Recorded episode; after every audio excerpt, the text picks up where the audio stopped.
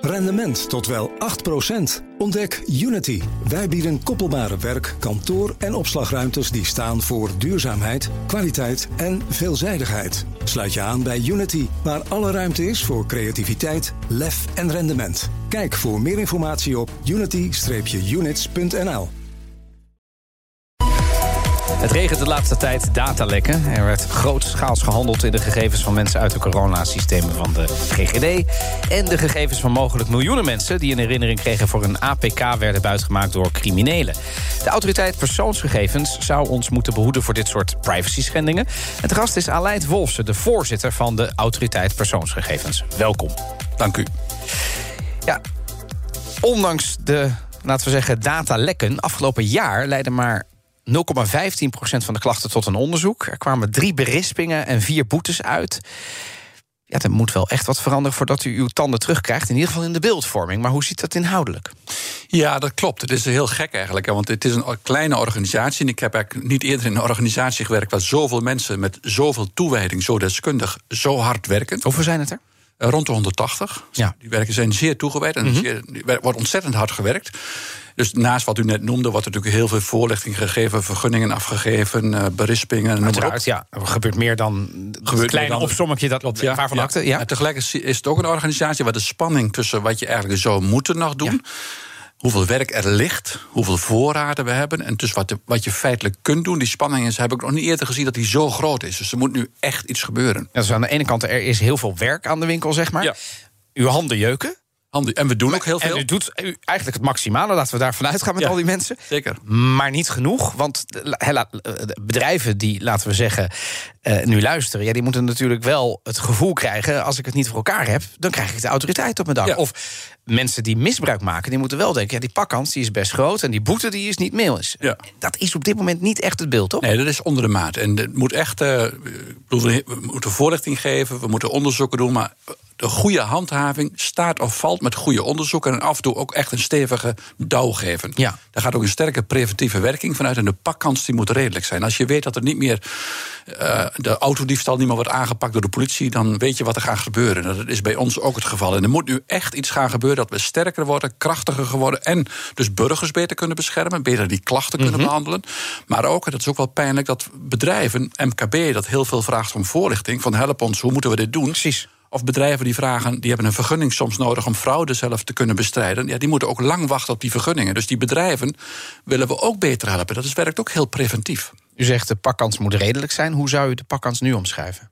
Te laag. Die is echt onder de maat. Ja, die is echt onder de maat. Die moet echt serieus hoger worden. Dus we moeten preventief meer doen, meer onderzoeken doen. Die pakkans moet hoger, zodat je ook af en toe echt weer serieuze boetes kunt gaan uitdelen. De komende anderhalve maand staan er toevallig wel weer drie serieuze boetes eh, te wachten op publicatie. Eh, dus er kom- komen echt weer een paar- serieuze boetes aan. Dat betekent, dat betekent dat ik wel kan vragen, maar u toch niet gaat vertellen waar ze zitten? Dat schat u goed in, ja. Oké, Ja, heel goed, ja. Maar die liggen klaar, die bedrijven of die overheden weten dat ook al. Dus daar gaat ook wel even weer een, nou ja, Een, een werking vanuit. een waarschuwing van uit. Maar waar ligt nou het probleem? Ligt dat bij u, bij de autoriteit, of ligt dat bij de bedrijven? Wie moet nou meer kunnen doen? Ja, dat ligt beide. De, wij moeten echt eerst op orde komen. Oké. Dus eh, de mensen die er zijn, die harde werken kunnen ze eigenlijk niet. Meer kunnen ze ook niet doen. En dat moet echt sterker. En dan kunnen we die bedrijven ook betere voorlichting geven. De bedrijven zelf moeten trouwens ook heel veel meer doen. Hè, want te veel bedrijven hebben het nog niet op orde. Dat zie je Nee. met die datalekken Ja. ook. Soms schrik je ervan hoe slecht het beveiligd is. Hè. We hebben, en je ziet ook een toename van die datalekken. Ook een toename van datadiefstal. We hebben in ons jaarverslag ook laatst geschreven...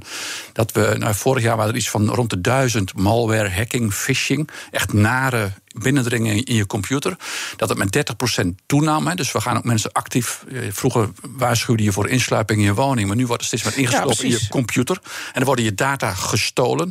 Of er wordt malware geïnstalleerd. Maar we gaan zo meteen even praten over wat we er nog aan kunnen doen, ook in de preventieve vorm. Maar nog heel even in de, in de analyse. Want u riep al sinds de invoering van de AVG, weet ik nog, de GDPR, we hebben te weinig mankracht. Ja.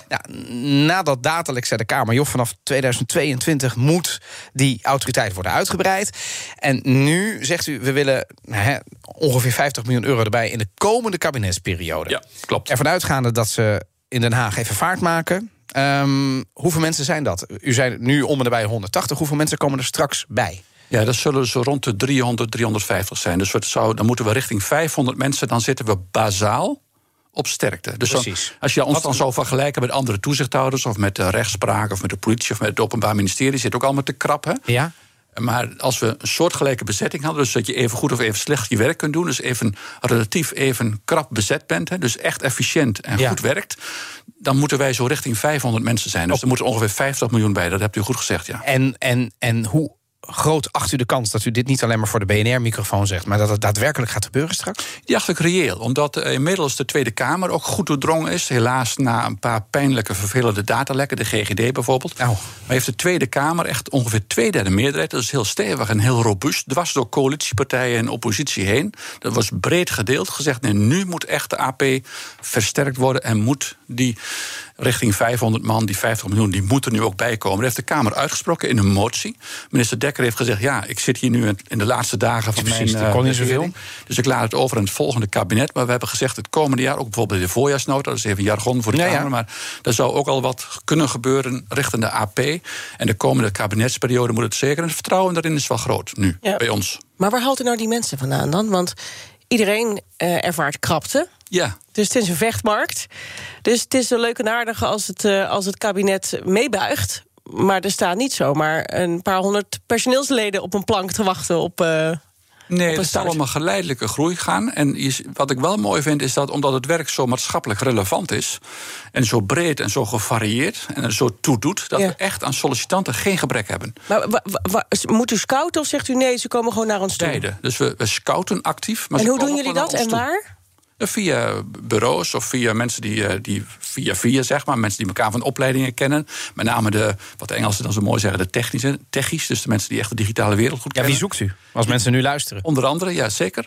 Eh, maar het is een heel breed scala van mensen. Dus onderzoekers, eh, juristen. Ja. We, we zijn ook wetgevingsadviseur, dus echt ook een ambacht. Onderzoekers, eh, techneuten, technologen. Nu zie je ook dat het bedrijfsleven af en toe zegt tegen werknemers: je krijgt een bonus als je een hele goede werknemer voor ons weet te vinden.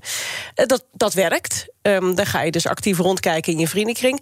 Maakt u daar ook gebruik van? Dan zegt u nee, dat kunnen we Nee, niet doen. nog niet. Omdat we het afgelopen jaar zijn we ook al best redelijk gegroeid. De afgelopen jaren. En dat is tot op heden niet nodig geweest. We, hebben, we kunnen best goede mensen krijgen. u zou het wel doen als het nodig is. Als het nodig is, ja, dan moet je dat niet uitsluiten. Zeker. Geef ons eh, tipgeld, eh, zeker. Maar het is op dit moment niet nodig. Mensen werken graag bij ons. Ze staan ook af in de rij, is, is wel erg letterlijk. Maar we hebben geen gebrek aan sollicitanten. In alle, alle variëteit van functies. Dat is wel mooi. Je luistert naar BNR in de middag. De gast is Aleid Wolfsen, de voorzitter van de Autoriteit Persoonsgegevens. Ja, laten we dan ook eventjes gaan praten aan de andere kant. Hè? Want ja, laten we ervan uitgaan dat het gebeurt. U wordt groter, u wordt machtiger, u kunt uw tanden laten zien. Dan zijn we er nog niet, want we hebben net ook al gezegd... bedrijven laten ook af en toe nog wel steken vallen. Wat kunnen die beter doen? Het laaghangend fruit. Ja, bedrijven wat die echt beter kunnen doen, is heel bazaal hun data beveiligen.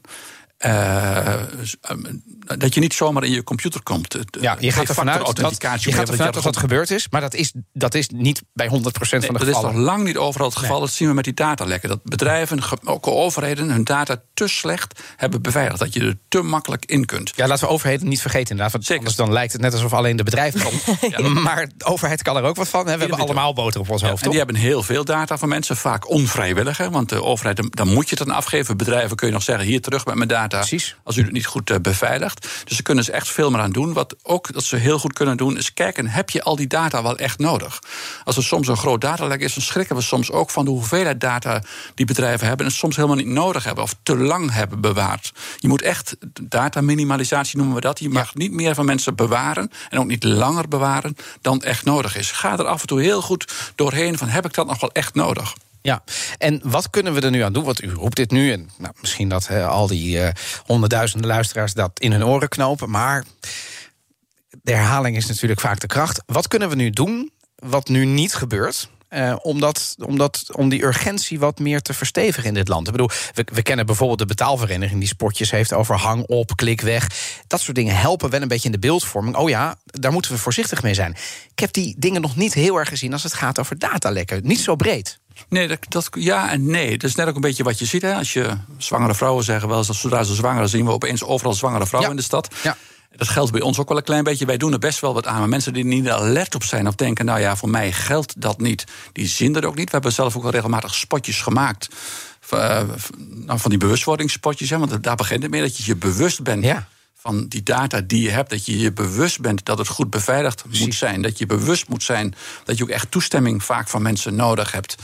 Uh, dus dat, die spotjes maken we wel. En af en toe helpt toch wel zo'n zo'n naar datalek, hoe pijnlijk het ook is maakt mensen opeens wel ook heel bewust. En dat grote datalek met de GGD heeft heel veel mensen heel bewust gemaakt. Ja. Het onderzoek wat wij hebben gedaan. Maar dat is de, negatieve kant. Natuurlijk helpt dat. dat je, hebt, je hebt af en toe een beetje een soort tsunami nodig om te realiseren dat je je dijk moet verhogen. Maar liever niet natuurlijk. Nee, klopt. Ja, dat is waar. Maar aan de andere kant, we hebben het onderzoek gedaan bij de Belastingdienst. Dat bleek in een algoritme een heel discriminator element te zitten. Ja. Nou, toen hebben we ook uh, bedrijven gewaarschuwd van let op als je een algoritme gebruikt dat er geen discriminatoren elementen in zitten.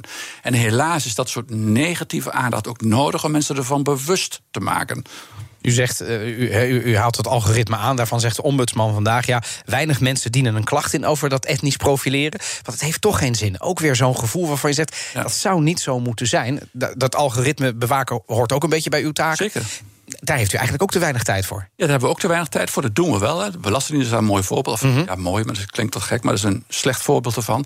Uh, dus zouden we meer aan moeten doen. Dat het een hele venijnige vorm is van uh, onrechtmatig verwerken van je data. Dan is er vaak al data onrechtmatig in die systemen. En dan word je ook met je eigen data nog gediscrimineerd uitgesloten van iets, geweigerd voor een hypotheek, afgewezen bij een sollicitatie, extra gecontroleerd. Dat kunnen mensen niet zien. Uh, en daar kunnen ze over klagen bij ons, want wij kunnen in die systemen en kunnen die data ook bekijken dan en kijken of er sprake is van discriminatie. Maar dan moeten mensen dat wel weten en we kunnen dat ook ambtshalve doen, zelf te gaan kijken. Maar dan zit je weer met een capaciteitsvraagstuk. Ja, precies. Dat zouden we echt meer moeten gaan doen, omdat dat een hele venijnige, lelijke vorm van het gebruik van data is. Als wij over een jaar elkaar weer hier weer spreken, de BNR-studio, dan is het in ieder geval qua sterkte een stuk beter geregeld bij de autoriteit. Daar vertrouw ik absoluut op. Aleid Wolfsen, de voorzitter van de Autoriteit Persoonsgegevens. Dank u wel. Rendement tot wel 8%. Ontdek Unity. Wij bieden koppelbare werk, kantoor en opslagruimtes die staan voor duurzaamheid, kwaliteit en veelzijdigheid. Sluit je aan bij Unity, waar alle ruimte is voor creativiteit, lef en rendement. Kijk voor meer informatie op unity-units.nl.